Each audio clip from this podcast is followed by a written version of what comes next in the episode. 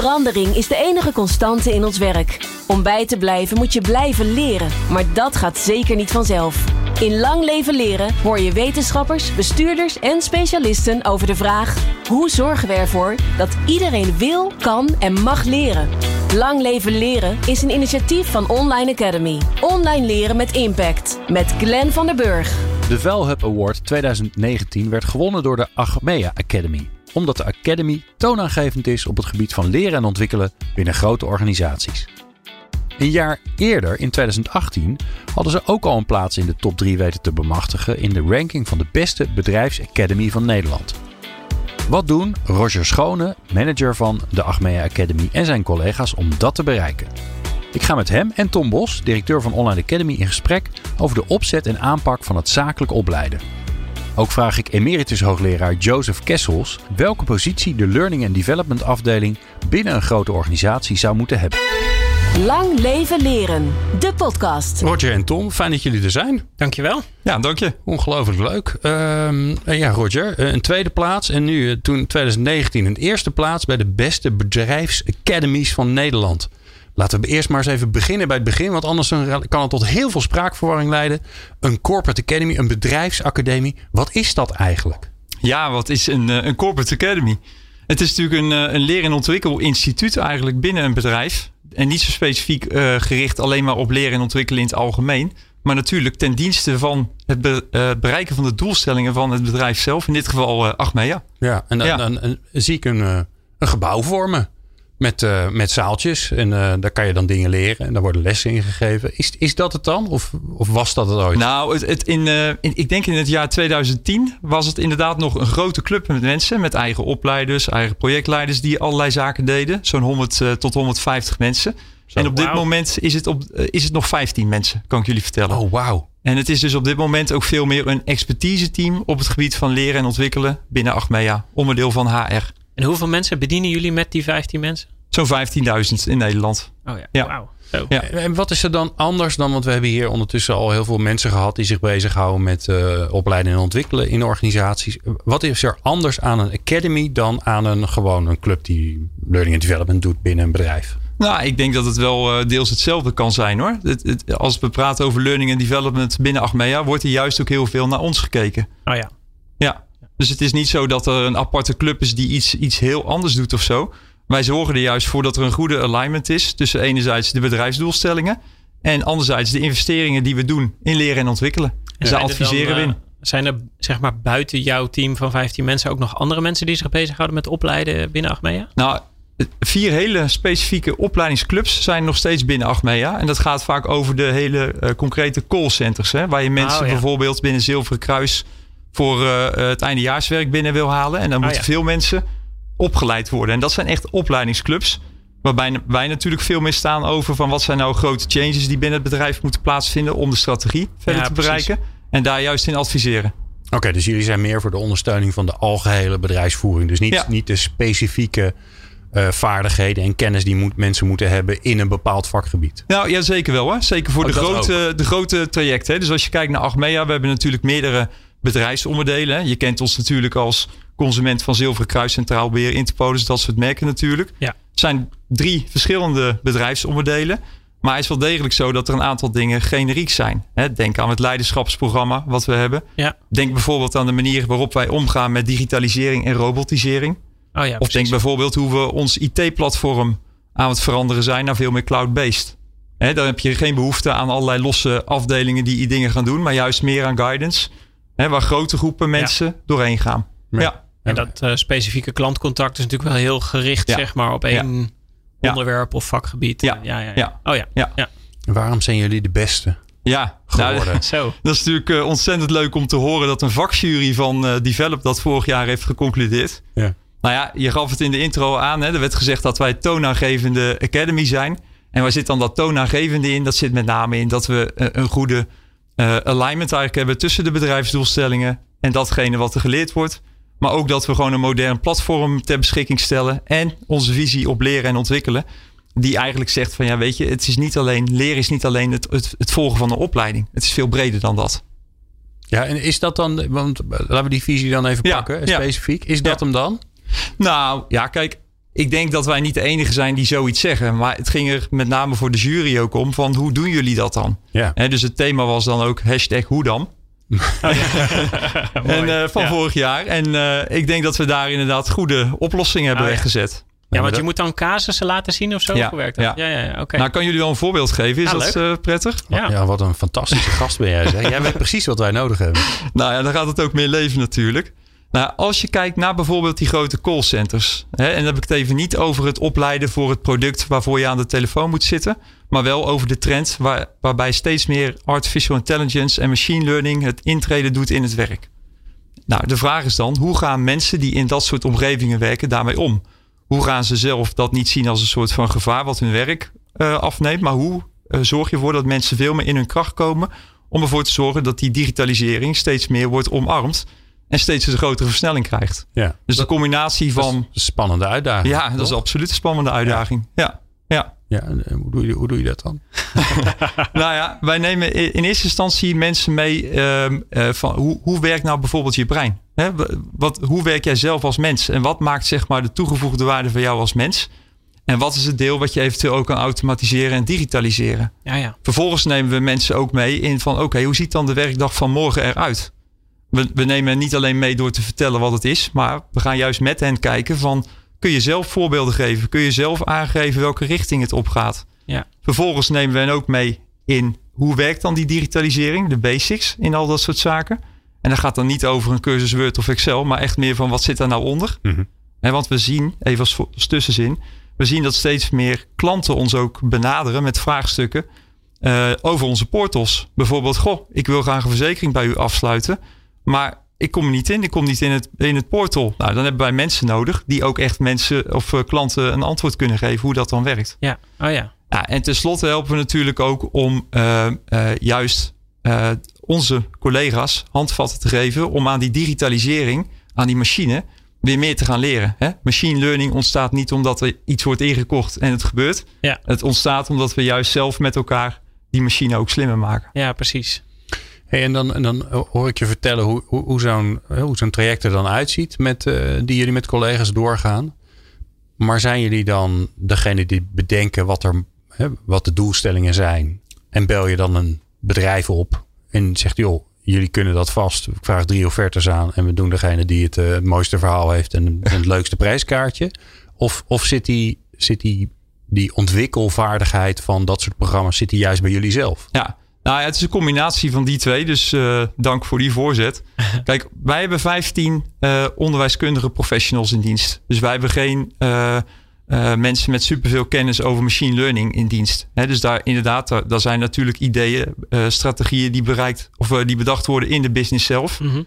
Maar wij zijn juist opgesteld en worden ingeschakeld wanneer het vraagstuk is van en wat gaan we nu doen om daar ook te komen met elkaar? He, hoe gaan we mensen equiperen om mee te gaan doen?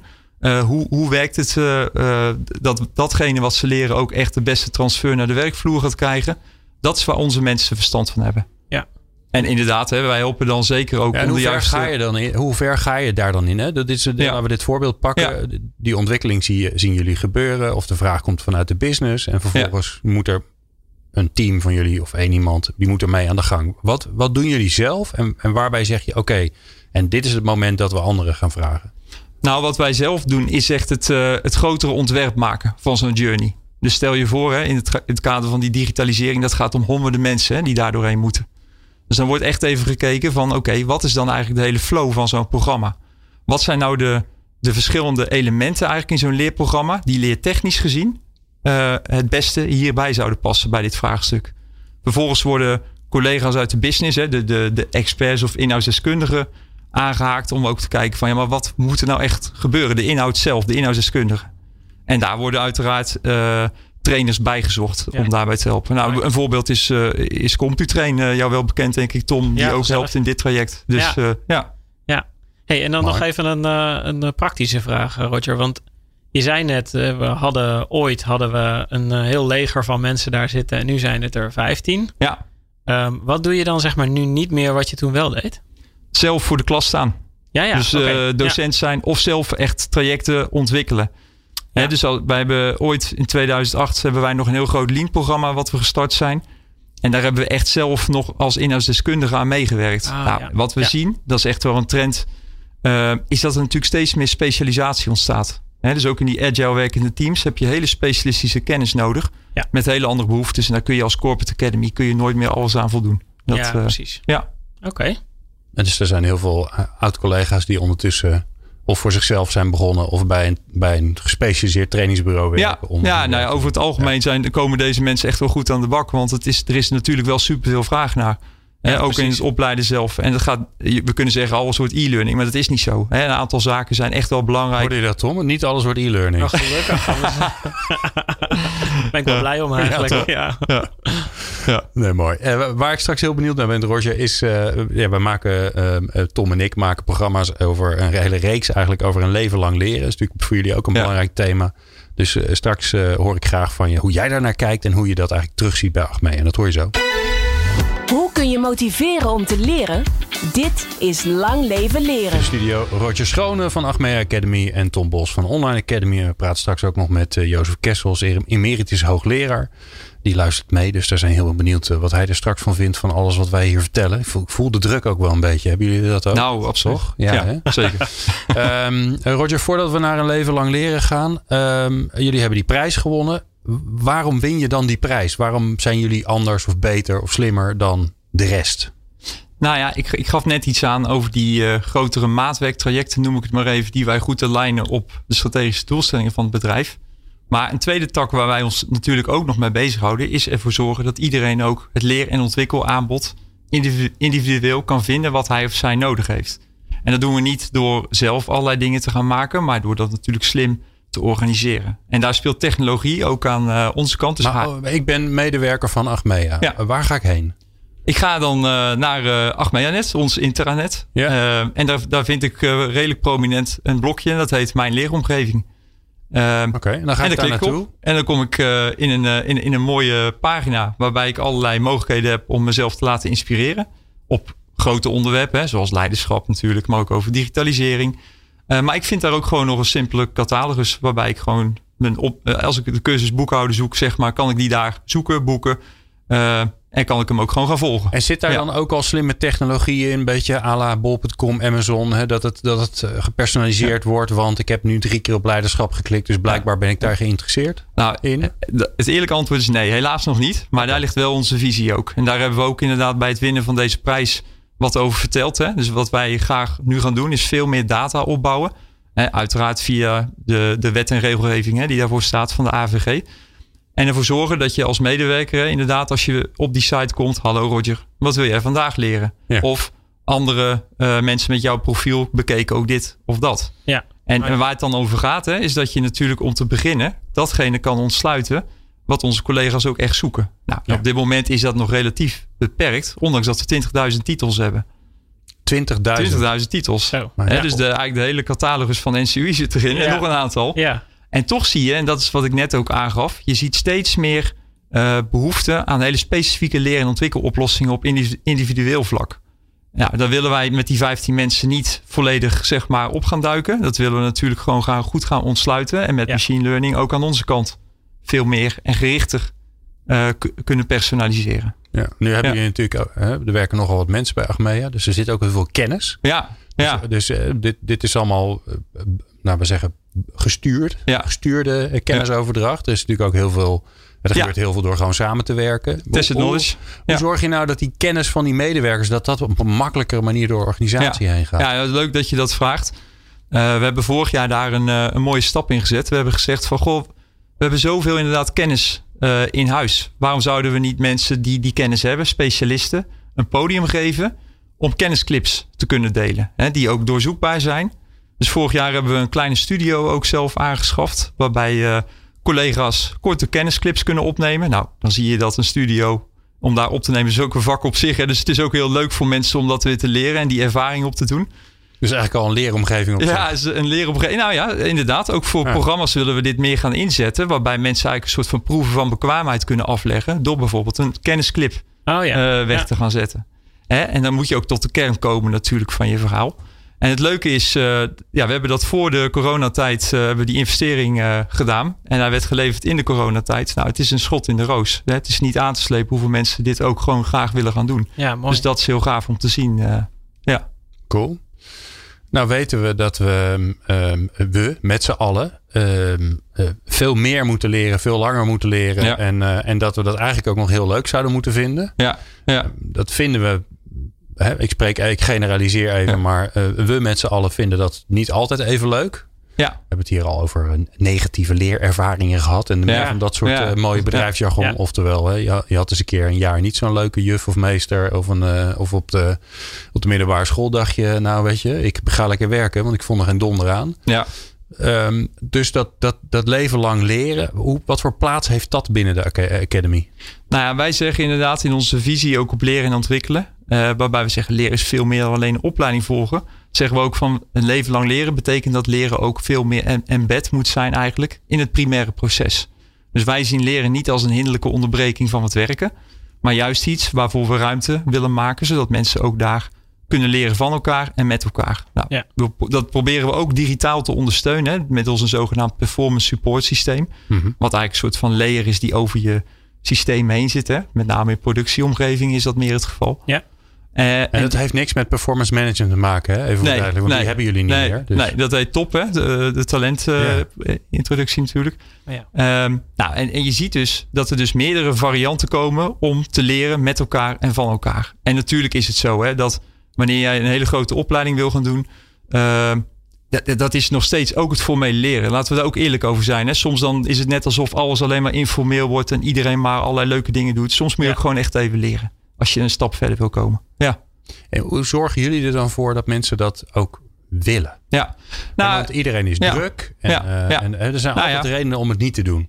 Nou, het leuke van Achmea is dat we ook echt wel bezig zijn om die randvoorwaarden meer te creëren. Dus jullie refereerden net al even aan het performance management wat verdwenen is. Hè. Dat is nu talentontwikkeling, uh, waar we veel meer op zitten. Maar ook vanaf volgend jaar gaan we bijvoorbeeld ook een 34-uurige werkweek introduceren. Dus we hebben nu een 36 uur werkweek. Iedereen die blijft volgend jaar hetzelfde verdienen. Ja. Het gaat naar 34 uur, waarbij je veel meer tijd krijgt om het duurzaam leren, werken en zorgen. Uh, en ook ontspannen natuurlijk, om dat te kunnen combineren.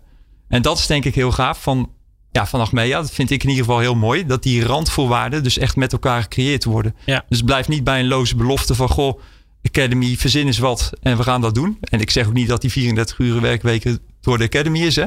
Maar het is wel iets wat mensen dus kunnen inzetten. Ja, dus je zegt eigenlijk ook van de hè, in het kader van een leven lang leren zijn er veel grotere thema's eigenlijk die ook nog van belang zijn Ja. om dat eh, te, mogelijk te maken. Ja, ik denk dat je Ja. randvoorwaarden daarvoor moet eh, creëren. En ze ook pakken natuurlijk. Hè. Eh, kijk ook eh, waar de overheid natuurlijk mee bezig is om het ook veel meer weer te ondersteunen.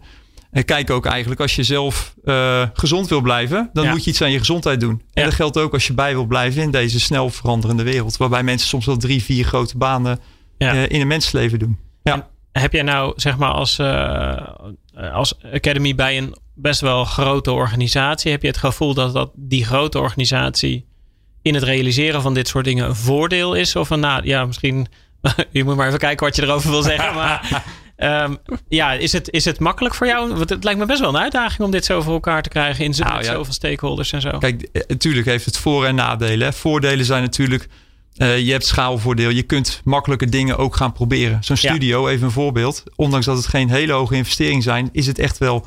eh, moeten we, kan niet ieder klein bedrijf dat doen. Dat Nee, is even een voorbeeld. Ja. Een nadeel is natuurlijk dat je eh, sommige met name grote IT-investeringen, dat, dat, eh, ja, dat het lastig is om iedereen dezelfde kant op te krijgen. Hè? Bij Ja. Zilveren Kruis kan je een heel ander idee hebben over opleiden dan bijvoorbeeld binnen centraal beheer. Ja, vanzelf. Dus dat, dat, dat vergt meer stakeholder management. Eh, maar ik vind dat bijvoorbeeld, en mijn team ook, wij vinden dat ook juist heel leuk. We zijn verweven in die hele organisatie. Ja, dus dat is een belangrijke factor ook, eh, zeg Ja. maar, in, in het hoekje van waar ben je goed in. Ja. alle kikkers in de kruiwagen, zeg maar. ja, nou ja, dat hoort er wel bij. Anders dan is het ook niet zo leuk om binnen een corporate academy te werken. Dan kun je beter in een opleidingsafdeling werken... waar je echt een heel specifiek product aan het opleiden bent. Ja, of bij een opleider. Ja, precies. Hey, en ehm, ehm, je had het al even over top. Hè? Ehm, ehm, wij hebben, jeetje, ik denk dat het ondertussen anderhalf jaar geleden geweest is, eh, een hele af, aflevering gemaakt over de ommezwaai. Ja. Geen boardingssysteem meer, wat dan wel. Nou, daar kwam top voor terug. Hè? Eh, Ja. talent, ontwikkeling, prestatie, zeg ik even Presteren, uit mijn ja. hoofd. Als je nou denkt, waar hebben ze het over? Zoek even de aflevering op met uh, Achmea over het, uh, uh, over het beoordelen. Dan kun je die hele aflevering weer luisteren. Ja. Daar zit natuurlijk een belangrijke rol voor de leidinggevende in. Dus Ja. hoe haak je die dan aan Ja. op de doelen die jullie hebben? Ja, nou, het is, het is leuk wat je nu zegt. Want het zijn juist al die leidinggevenden die natuurlijk ook een hele change hebben moeten doormaken. Dus we hebben vanuit het eh, leren- en ontwikkelclub, de Achmea Academy, hebben we ook ervoor gezorgd dat we daar ook een goede eh, traject voor hebben ontwikkeld. Hè, dus de- we, we willen graag leiders als teamcoach of als individu- individuele coach. Dus al onze leidinggevenden, bijna duizend mensen, zijn ook door die trajecten heen gegaan. Jeetje, wat hoeveelheden, Ja. Ja. Niet te geloven. Ja. ja. Ja. Dus, eh, dus, dus zo ondersteunen we dat ook. En natuurlijk ook door ervoor te zorgen. Dus niet alleen maar dat iemand naar een opleiding toe gaat.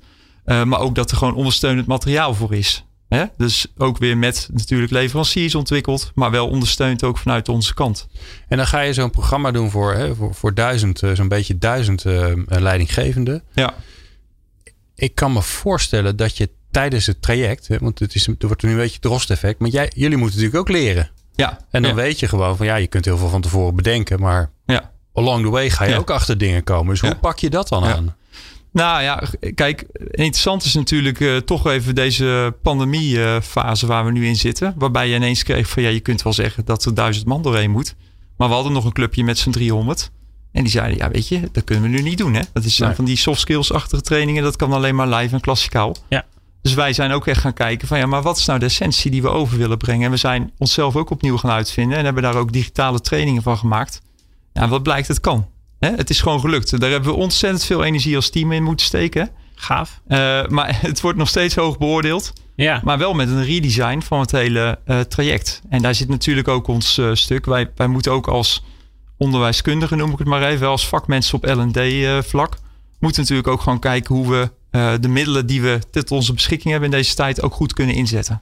Wat zijn dan dingen waar je concessies op hebt gedaan, zeg maar in, in termen van online? Of wat, want je zei straks al van ja, dat kan niet alles. Uh, ja. Wat niet? Ja. Nou, uh, nou ja, dit soort trainingen wordt in eerste instantie is niet de voorkeur om dat per se online te doen. Ja. Maar als zo'n pandemie lang genoeg duurt en je hebt wel een doelstelling om met je bedrijf top ook weg goed weg te zetten, ja. dan moet je soms ook zaken doen. En wat is een concessie is dat je, nou ja, de, de, de doorlooptijd wordt korter. Ik denk dat we voor de mensen die nu zijn geweest, dat ze toch wel degelijk ook een keer een terugkomdag zullen hebben wanneer we weer wel op kantoor mogen komen. Ja, precies. Uh, ja. Dus dat, dat vergt het wel. Nou, ja. En zelf als, als LD-afdeling blijven we natuurlijk ook continu bezig om onze markt af te uh, scannen over nieuwe zaken op het ja. gebied van LD. Ja, precies. Ja. ja. We gaan uh, straks uh, reflecteren en naar de toekomst kijken. Dat doen we ja. uh, natuurlijk met Roger en, en, Tom hier in de studio. Maar ook Jozef Kessels die schuift aan. Die is vanuit huis, online, onwijs hip en modern. En dan ook nog eens een keer live via LinkedIn live. Dus de techniek staat voor niks. Wij zijn ons ook enorm aan het ontwikkelen. En we gaan zo eerst naar de column van Jeroen Buescher. En die hoor je zo. De beste voorbeelden uit de praktijk van leren en ontwikkelen hoor je in Lang Leven Leren. Het is tijd voor de column van Jeroen Buescher. En uh, Jeroen die heeft een nieuwe microfoon, dus die heeft hem heerlijk thuis ingesproken. Dus we kunnen nu genieten van de kwaliteit van Jeroen, die thuis zijn column heeft ingesproken. Jeroen, kom er maar in. Corona heeft ons natuurlijk autonomer gemaakt, maar tegelijk ook wel wat eenzamer. Veel mensen zitten thuis te werken, zien hun collega's dan wel via een mooi schermpje. Maar ja, dat is toch iets anders als iemand in de ogen kijken. En managers die, die worstelen met die rol. Hoe zorg ik dat ik binding in mijn team krijg? Hoe zorg ik dat mensen toch gezien worden, verbonden zijn? Ik stuitte in mijn boekenkast op een wat ik al lang heb van professor Baart, Andries Baart. Hij is een professor en heeft onderzoek gedaan naar wat hulpverleners het meest effectief maakt. En wat bleek? Hele effectieve hulpverleners, en dan moet je denken aan de jeugdzorg of uh, ouderen of wat dan ook. Die, die waren de meest effectieve die bleken een methode te hebben die ze niet op de opleiding hebben geleerd, die nergens in de boeken staat. En die heet aanwezigheid. Wat deden die mensen? Eigenlijk niet meer dan er zijn. Presentie heet zijn theorie. En wat is presentie? Er zijn zonder te willen, zonder te sturen, zonder te duwen. Die hulpverleners die gingen met een jongere die in de moeilijkheden zat niet tegenover zitten en hem zeggen wat hij moest doen of plannen met hem maken of hem terechtwijzen. Nee, hij ging naast hem zitten, op het muurtje van het voetbalveldje. Hij hoefde niks te zeggen. Hij ging er gewoon naast zitten. Hij was er. Hij was present. En wat bleek? Juist dat bleek mensen heel veel te helpen. Want juist dat maakte dat mensen voelden dat ze wat konden, dat ze geen slachtoffer waren en dat ze er mochten zijn, omdat ze er waren, omdat iemand anders er voor hen was, present. Als u wil dat uw mensen die het moeilijk hebben in coronatijd geholpen worden, ga ze dan niet sturen, coachen, bemoeien, de hart onder de riem steken. Maar zorg dat er presentie is. Dat wil zeggen dat er iemand is. Dat kunt u zelf zijn, maar nog beter een collega die gewoon luistert, die er gewoon mag zijn, die gewoon naast je staat, op het muurtje, terwijl je naar het gedoe op het voetbalveldje kijkt. Presentie, een hele effectieve manier om mensen echt te helpen. Mooi Jeroen. Nou, ik denk dat we gewoon de volgende keer een aflevering, een presente aflevering gaan maken. Dan ga ik gewoon de hele tijd naast iemand zitten en niks zeggen. Ben benieuwd wat er dan gaat gebeuren. Lang leven leren. De podcast. Ja, eh, je bent alweer terug. Dat is mooi. Ehm, we halen Jozef Kessel er even bij. Dan moet ik even zorgen dat we hem. Uh, moet ik even ergens op klikken. Ja, ik moet uh, multitasken. En weet, daar is de mens helemaal niet zo goed in. Kijk, daar hebben we Jozef. Uh, Jozef Kessels, uh, emeritus hoogleraar, uh, verbonden aan, op die manier verbonden aan Universiteit Twente. welkom Jozef, wat fijn dat je tijd voor ons hebt vanuit je woonkamer. Nou, hartstikke fijn om bij jullie aan te sluiten. Ja. Um, ja, ik heb even zitten kijken en ik, heb al, ik had allerlei vragen voorbereid. En terwijl ik even aan het googlen was op, op je naam, toen kwam ik er uh, stuitte ik op een onderwerp waarvan ik dacht, ja, daar wil ik het eigenlijk wel over hebben. Want dat is een, volgens mij een van de uitdagingen waar iedereen mee zit. Namelijk, um, we kunnen van alles en nog wat aanbieden aan mensen. We hebben daar de prachtigste systemen voor. We hebben fantastische opleidingen. Allemaal micro-learnings en weet ik veel wat we allemaal niet hebben. Maar mensen moeten er natuurlijk wel zin in hebben. Ze moeten het wel willen. Ze moeten wel de stap durven zetten. En dat is nou precies waar jij heel veel verstand van hebt. Dus hoe, hoe krijgen we dat nou voor elkaar? Ja. Nou, je kunt niet uh, slim zijn tegen je zin. Je kunt niet slim zijn tegen je zin. Wat bedoel je daarmee? Nou ja, dat is toch eigenlijk wel de boodschap die we eh, binnen bedrijven, organisaties graag willen. Een uh, rijk leersysteem ontwikkelen, waardoor mensen nieuwe kennis, bekwaamheden kunnen ontwikkelen, uh, betere prestatie leveren. En omdat die prestatie steeds meer van onze medewerkers vraagt, uh, het is complexer, het is technologisch ingewikkelder geworden. veel interactie met medewerkers, collega's, maar ook met klanten. En je kan eigenlijk in zo'n moderne omgeving alleen maar goed overleven als je slim bent. En slim bedoel ik dan niet slim van schrander om dus de regels te ont, ontwijken, maar slim in het bijdragen aan nieuwe oplossingen, aanpakken en dergelijke.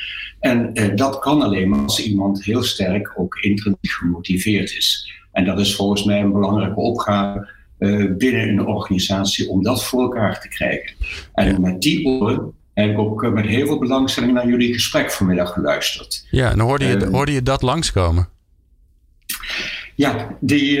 Um, Roger die, die is natuurlijk een fantastische ambassadeur voor, uh, die, voor de Achmea Academy. Van harte gefeliciteerd, Roger, met jullie uitverkiezing door collega's. Uh, dat je echt gezien wordt als een soort voorbeeld van hoe het kan. En er zitten een paar dingen in ehm, die ik, waarvan ik ook denk, daar hebben jullie iets beet, die heel wat heel erg de moeite waard is. Um, en ik denk dan met name de ervaring die je misschien wel een beetje terloops noemde rond die um, kennisclips.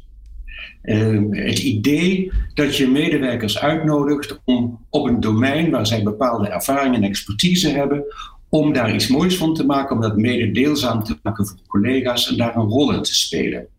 Um, je raakt daar iets mee waarbij je als medewerker het gevoel hebt: ik doe ertoe.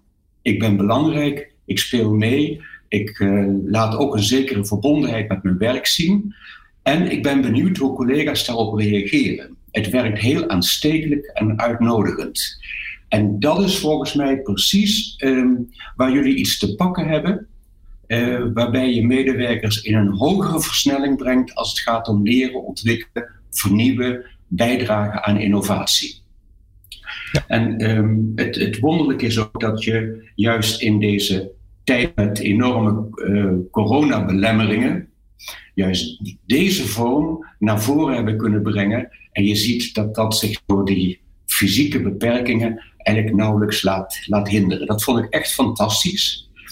En ik zit er natuurlijk ook gelijk aan te denken vanuit mijn vakgebied, van hoe zou het komen dat dat zo'n krachtige aanpak of interventie is. Interessant, ja. En ja, dat was precies de vraag waar ik mee in mijn hoofd zat. Ja. ja. En ik vermoed uh, dat het te maken heeft dat je medewerkers ineens in een andere rol brengt. Niet in de rol van ondergeschikte aan iemand die het nog niet weet, die nog veel moet leren, die ja. ja nog pas komt kijken enzovoort. Maar je spreekt iemand aan op waar ben je goed in? Hè? Waar ben je trots op? Ja. Wat zou je graag van jezelf laten zien? Hoe denk je hoe dat zich verder gaat ontwikkelen? Dat, dat een beroep doen op, um, op die, die aanwezige bekwaamheid um, en ook daar een grote mate van zelfsturing en autonomie op geven, dat dat een enorme energiebron is voor leren en ontwikkelen. Je nodigt mensen ook wel heel erg uit om uit hun zeg maar consumentenrol te komen bijna. Hè? Om niet meer te consumeren, maar te creëren. Dat is wel, wel mooi inderdaad, ja. Ja, je wordt mede cu uh, curator hè, van ja. het geheel. Ja. ja. Zou het nou ook zo zijn dat, dat mensen die zo'n kennisclip hebben gemaakt... dat die dan, uh, dat, dat zou nog wel interessant onderzoek zijn... om te kijken hoe gedragen ze, zij zich nou vooraf en achteraf. Want ik kan me voorstellen ja. dat als jij daar, als je daar zo'n clip hebt gemaakt... ja, dan sta je daar natuurlijk als de expert. Want jij gaat vertellen over hoe iets in elkaar zit ik kan me voorstellen, tenminste dat zou mijn hypothese zijn, dat, je, dat als iemand dat gedaan heeft, dat hij ook normaal in het werk veel meer gaat vertellen over hè, hoe dingen gaan of meer zijn kennis tentoon zal spreiden. Ja. Maar ja, dat weten we natuurlijk niet. Ik, uh, ik heb nog geen ervaringscijfers, maar uh, daar gaan we zeker op letten of dat, dat uh, gaat gebeuren. Valt er iets uit, vanuit het, het wetenschappelijk onderzoek over te zetten, zeggen Jozef? Nou, we weten vanuit studies uh, op deze hoofdthema's als uh, belang van autonomie en zelfsturing, dat naarmate je die, die speelruimte voor medewerkers groter maakt, dat zowel het leren en ontwikkelen sneller gaat, maar juist ook de invloed van op het dagelijks werk. Het, um, het grote probleem is altijd dat we wel in staat zijn om bijvoorbeeld vanuit de academy moderne, interessante, uitnodigende, fascinerende, noem maar op, leertrajecten, leeromgevingen te maken. En zodra mensen weer op de werkplek komen, dat dan um, iemand anders, een leidinggevende of ervaren collega's, het regime overnemen. En de kunst is volgens mij om die belangrijke ervaringen die jullie nu opdoen, met name bij uh, zo'n aanpak bij de kennisclips, om dat in het dagelijkse werk ja, ja, uh, ja. te verankeren. En het zou mij niet verbazen dat, uh, ik spreek er veel met collega's op het ogenblik over in deze coronatijd. Veel mensen die, het zal bij jullie ook zijn, veel mensen werken vanuit huis, um, komen niet meer dagelijks naar een kantoor, ja. um, zien hun leidinggevende ook niet meer. Um, en toch gaat het werk gewoon door. Op bepaalde manier hebben medewerkers heel veel zelfsturing en autonomie gekregen in deze coronatijd. En dat roept natuurlijk ook de vraag op: wat zal straks de rol van die formele leidinggevende ook zijn? En het zou me dan niet verbazen als we dan heel dichtbij komen bij wat Andries Baart ook beschreven heeft van enorme voorzien in die behoefte aan ik hoor erbij, ik word gezien. Er is iemand die aandacht voor mij heeft. Uh, er is iemand die mij opbelt of vraagt van Jozef, hoe gaat het vandaag met je? Uh, kan ik iets voor je betekenen? Of we hebben je al een tijdje niet, uh, niet meer online gezien. Um, kunnen we iets voor je doen? Het opgemerkt worden, het aandacht krijgen. Ik denk dat we daar steeds verder naar naar verschuiven. Terwijl de formele rol van de leidinggevende als iemand die doelen stelt, aanstuurt, beheerst, controleert, assest, monitort en als het nodig is af en toe ook een klap uitdeelt of een beloning geeft, dat die rol steeds meer op de achtergrond komt, komt te liggen. Mooi, ja. Iemand heeft ooit eens een keer, uh, uh, ik heb een soort rare hersenspinsel, maar iemand heeft ooit eens een keer tegen mij gezegd: als het gaat om het, het opvoeden van pubers. Dus dat is, ja, je moet een kamerplant zijn. Dus je moet er, een kamerplant speelt een belangrijke rol, want die is er. Maar die doet niet zoveel. Uh, maar is voor pubers heel belangrijk. Dus je moet als ouder er wel zijn. Ja. Uh, want dat geeft een heel veilig gevoel. Maar je moet vooral niet te veel doen. Dus ik, hier moest ik eigenlijk gelijk aan denken bij die leidinggevende. Die leidinggevende moet er zijn. Maar die moet niet te veel gaan doen. Is dat een beetje een juiste interpretatie, uh, Jozef?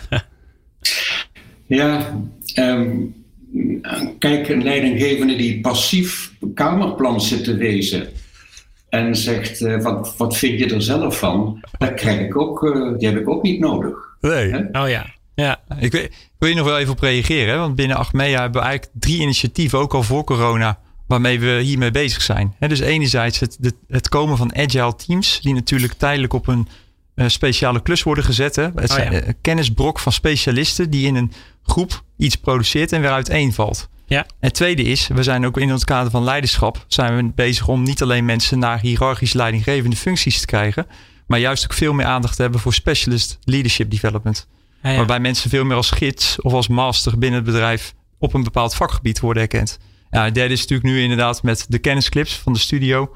Ja. Eh, dus, dus het zijn inderdaad, ik onderschrijf volledig wat eh, de heer Kessels eh, nu zegt. Dus dat is ja, gaaf om te zien. Dus Ja. straks degene die de beste kennisclips heeft geproduceerd, of die het best beoordeeld zijn, die wordt dan de leidinggever. Wordt gerankt. Op, het, eh, Ja, Je wordt daarop op dat vakgebied. Ja. Ja, Ja, laten we even, laten we even naar de toekomst kijken. Eh eh, Jozef, want ik ben daar ook wel benieuwd naar. Als je kijkt naar, naar hè, het vakgebied, learning and development. wa- Wat, is dan, wat zijn de twee belangrijkste thema's? Er zijn natuurlijk heel veel, maar wat zijn de twee belangrijkste thema's waar, waar aandacht aan geschonken moet worden? Eh, nou, Roger heeft al een, paar van die bouwstenen aangedragen. Een klassiek vraagstuk blijft natuurlijk voor learning and development dat je als je van de ene kant ehm, op een doelbewuste manier leertrajecten ontwerpt, op een moderne manier met technologie en dergelijke, om de leeropbrengsten daarvan eh, toegepast te krijgen in die dagelijkse werkomgeving. Die transfer, dat blijft een belangrijk, eh, Ja. ehm, een belangrijk vraagstuk. En ik denk dat Roger ook elke dag ervaart met zijn team van 15 mensen dat hij aan de ene kant mooie plannen kan ontwerpen.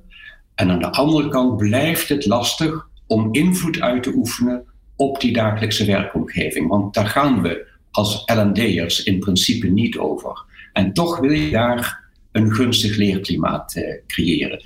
Dat blijft volgens mij eh, een, een, een heel belangrijk thema als je me vraagt, Ja. In de toekomst? En het derde, eh, dat vind ik eigenlijk nog een, een stap ingewikkelder. Ehm, hoe zou ik het moeten zeggen? Eh, je kunt, we zijn zo gewend om te denken over learning and development. Dat doe je met of ten behoeve met mensen, medewerkers, leidinggevenden. Om vervolgens in het werk een bepaalde verbetering, eh, vernieuwing, prestatie of iets dergelijks te leveren. Dus altijd leren, opleiden, ontwikkelen om eh, beter te presteren. En ik denk dat we langzamerhand bezig zijn om de overstap te maken naar de gedachte dat dat dagelijks werk, wat mensen doen, een primaire vorm van leren zal zijn. Dus dat je niet meer de, een transfervraagstuk hebt van ik leer hier en Ja. ik werk daar. Maar dat je zegt ik werk hier en hoe maak ik van het werk een aantrekkelijke leeromgeving. Ja, precies. Ja. En, en ik denk dat dat de, een interessante opgave voor, ehm, voor Roger en de Academy is. Om daar een vorm voor te vinden. Alle ingrediënten eh, die zijn er aanwezig. Ze zijn, Roger is heel goed in het, in het aanpakken van het zogenaamde beleidsmodel rond L&D. Ja. Is heel bekwaam in het netwerk van aanbieders, leveranciers. eh, om daar dat makelaarsmodel te, te volgen. Ehm, als het nodig is, ehm, hebben jullie ook veel expertise om een school of een cursusmodel uh, te faciliteren. En jullie zien jezelf heel sterk ook als ontwerpers. Lastig vraagstuk binnen de, binnen de organisatie. Hoe zou je het kunnen aanpakken om daar krachtige leerinterventies bij te bedenken? En als je die vier modellen hebt en daar ook makkelijk tussen kunt switchen, dan denk ik dat je ook goed voorbereid bent voor die, voor die um, tweede vraag. Ja. Roger, hoe zie jij dat? Want die, die transfer, hè, nou ja, die, die, die hoor ik ook heel vaak terugkomen. Hè? A, okay, hoe krijgen we mensen in beweging? En B, als, we, als ze dan ergens zijn geweest, hoe zorgen ze dat ze er ook wat mee doen? Ja. ja. Um, wat is de uitdaging die er voor jullie op dat gebied ligt? Nou, kijk, ik denk, het wordt dus inderdaad wat ik net aangaf, ook steeds specialistischer hè, waar men naar zoekt. Dus als Corporate Academy met leren en ontwikkelprofessionals weet je gewoon niet alles van de inhoud. Dus wat belangrijk is, is dat je ook een netwerk binnen de organisatie creëert met inhoudsdeskundigen. Wij zijn daarmee bezig door op dit moment uh, zogenaamde functioneel eigenaren te benoemen. En dus mensen die echt, ons, die echt als de kennisdrager op een bepaald item worden gezien. Zeg maar ook de mensen die misschien die kennisclips gaan maken bij ons. Ja. En die dus uh, gecoacht en geholpen worden door ons, door de learning and development professionals, om juist het leren op hun vakgebied, waar ze trots op zijn en waar ze iedere dag weer mee presteren, om dat verder te helpen. Daar ligt voor ons echt een next step. Dus je wordt veel meer een versneller, zeg maar, of uh, aggregator eigenlijk dan, uh, dan de uitvoerder. Ja, maar wel vanuit echt een vak natuurlijk. Hè? Dus niet iedere expert, zeg maar, is goed in het opzetten van een goed design. Hè, wij krijgen, het, het, komt wel eens voor dat er bij wijze van spreken een jurist met een pakket naar ons komt. En die zegt, ja, kunnen jullie even een e-learning hiervan maken? Oh, of laten maken? Oh ja. Nou nee, uh, zo werkt dat natuurlijk niet. Dus, dus het is echt een vak, denk ik. Hè? Dus door zelf ook als vakinhoudelijke deskundigheid op L&D zeg maar, te acteren. En daar met de inhoudsdeskundigen op de subject matter expert zelf hè, zeg maar, op te gaan investeren. Ja. Die combi maakt het in mijn optiek heel krachtig. En dat gefaciliteerd met techniek. Ja, precies. Ik hoor je ja. daarmee eigenlijk ook zeggen, uh, door die experts uh, vanuit de eigen organisatie erin te stoppen, nemen ze eigenlijk hun interne netwerk mee. Ja. Van mensen die hen kennen en die eigenlijk Ja. al toch al naar ze toe zouden lopen als ze iets willen weten. En, en daarmee krijg je ook een soort geloofwaardigheid binnen de organisatie. In plaats van, Ja. ja. het is weer een training uit de Nee. context, uh, ergens in een zaaltje. Ja. En is het dan ook nog zo, want dat vraag ik me dan hierbij een beetje af. Zeg maar, als je die beweging zou willen veroorzaken en je zegt eigenlijk van het moet veel meer. ja, je moet eigenlijk de transfer reduceren door dichter op de werkpraktijk te kruipen. Ehm, eh, dat betekent eigenlijk ook, L&D rapporteert eigenlijk altijd aan HR, of tenminste zit altijd in een, in een, in een HR-domein. Eh, dat ik me dan daarbij afvraag of dat de, de plek is, zeg maar. Of dat het een veel strategischere plek zou moeten hebben, of gewoon een hele andere plek. Ja nou, de- Eh, hebben jullie daar ja. een mening over? Nou ja, goed. Kijk, wij vallen inderdaad ook binnen HR. En er zijn verschillende modellen. hè. Ook als je de, de boeken rondom L&D erop naslaat, dan Ja. hebben we dit in dit geval binnen HR. Ja. Eh, maar ik, ik vind het ook juist wel krachtig, omdat HR op zichzelf ook een heel netwerk heeft met eigen HR-adviseurs. En die eigenlijk veel meer als een soort van ja, eerste hulp bij L&D-vraagstukken kan acteren. Zeker als je zo'n klein L&D-expertise-team hebt. Ja, dus, dus het is een keuze. ook gewoon Dat, in. eh, ja. ja. Ja. Ja. En wat is jouw kijk daarop, Jozef? Moeten ze in de board of eh, juist eh, helemaal gedecentraliseerd, zeg maar? Heb je daar... Ehm, ja, het is interessant, die eh, expertise, het expertise-eigenaarschap ehm, op speciale domeinspecifieke materiedeskundigheid ehm, is dat binnen zo'n bedrijf best wel aan te wijzen. Je hebt zo'n domein op het gebied van, laat ik maar zeggen, eh, er zijn grote logistieke vraagstukken, er zijn grote ICT-vraagstukken. Ja. Ehm, maar medewerkers hebben ook op hun eigen werkterrein een vorm van expertise of ontwikkeling. En, ehm, en eh, in mijn volgende stap zou ik ook daar meer aandacht aan willen geven. En ehm, naarmate je dat meer erkent, we gaan het waarschijnlijk niet labelen als expert, want het geeft toch ook weer een soort hiërarchisch onderscheid aan. Eh, maar het erkennen van iemands inzet en bekwaamheid, het, eh, Ehm, Het, alleen al het feit dan dat mensen die het dagelijkse uitvoerende werk doen, die op dat terrein ook heel veel expertise ontwikkeld hebben. Ja. Heel goed snappen wat er lastig aan is, wat er vaak fout gaat. Ehm, en je hoeft, maar, ehm, ja, je hoeft ze eigenlijk maar te vragen van hoe zouden we het slimmer of eh, sneller of anders kunnen aanpakken. Dan breng je die, ehm, ja, die erkenning en waardering voor, voor expertise ook bij laag opgeleiden in, de werk, in de werkomgeving naar voren. Ja. En ik denk dat dat een hele mooie ehm, stap is om, ehm, om daar ook geluid aan te geven. Dat je, maar dat stelt ook hoge eisen aan het, of laat ik het zo zeggen, het vraagt ook om een beetje het afbreken van traditionele hiërarchische verhoudingen. Het zou me niet verbazen als we voor een tijdje tot de ontdekking komen dat in strak gestuurde of uh, hiërarchische omgevingen medewerkers toch dom gehouden worden. Ja.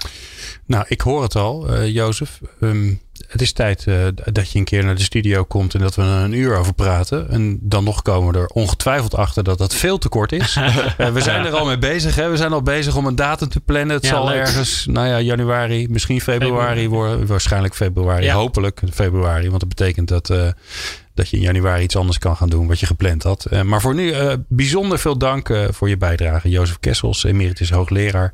Roger Schone natuurlijk van Achmea Academy. En Tom Bos van Online Academy. Bedankt voor het luisteren naar Lang Leven Leren. Een initiatief van Online Academy. Meer afleveringen vind je in jouw favoriete podcast app.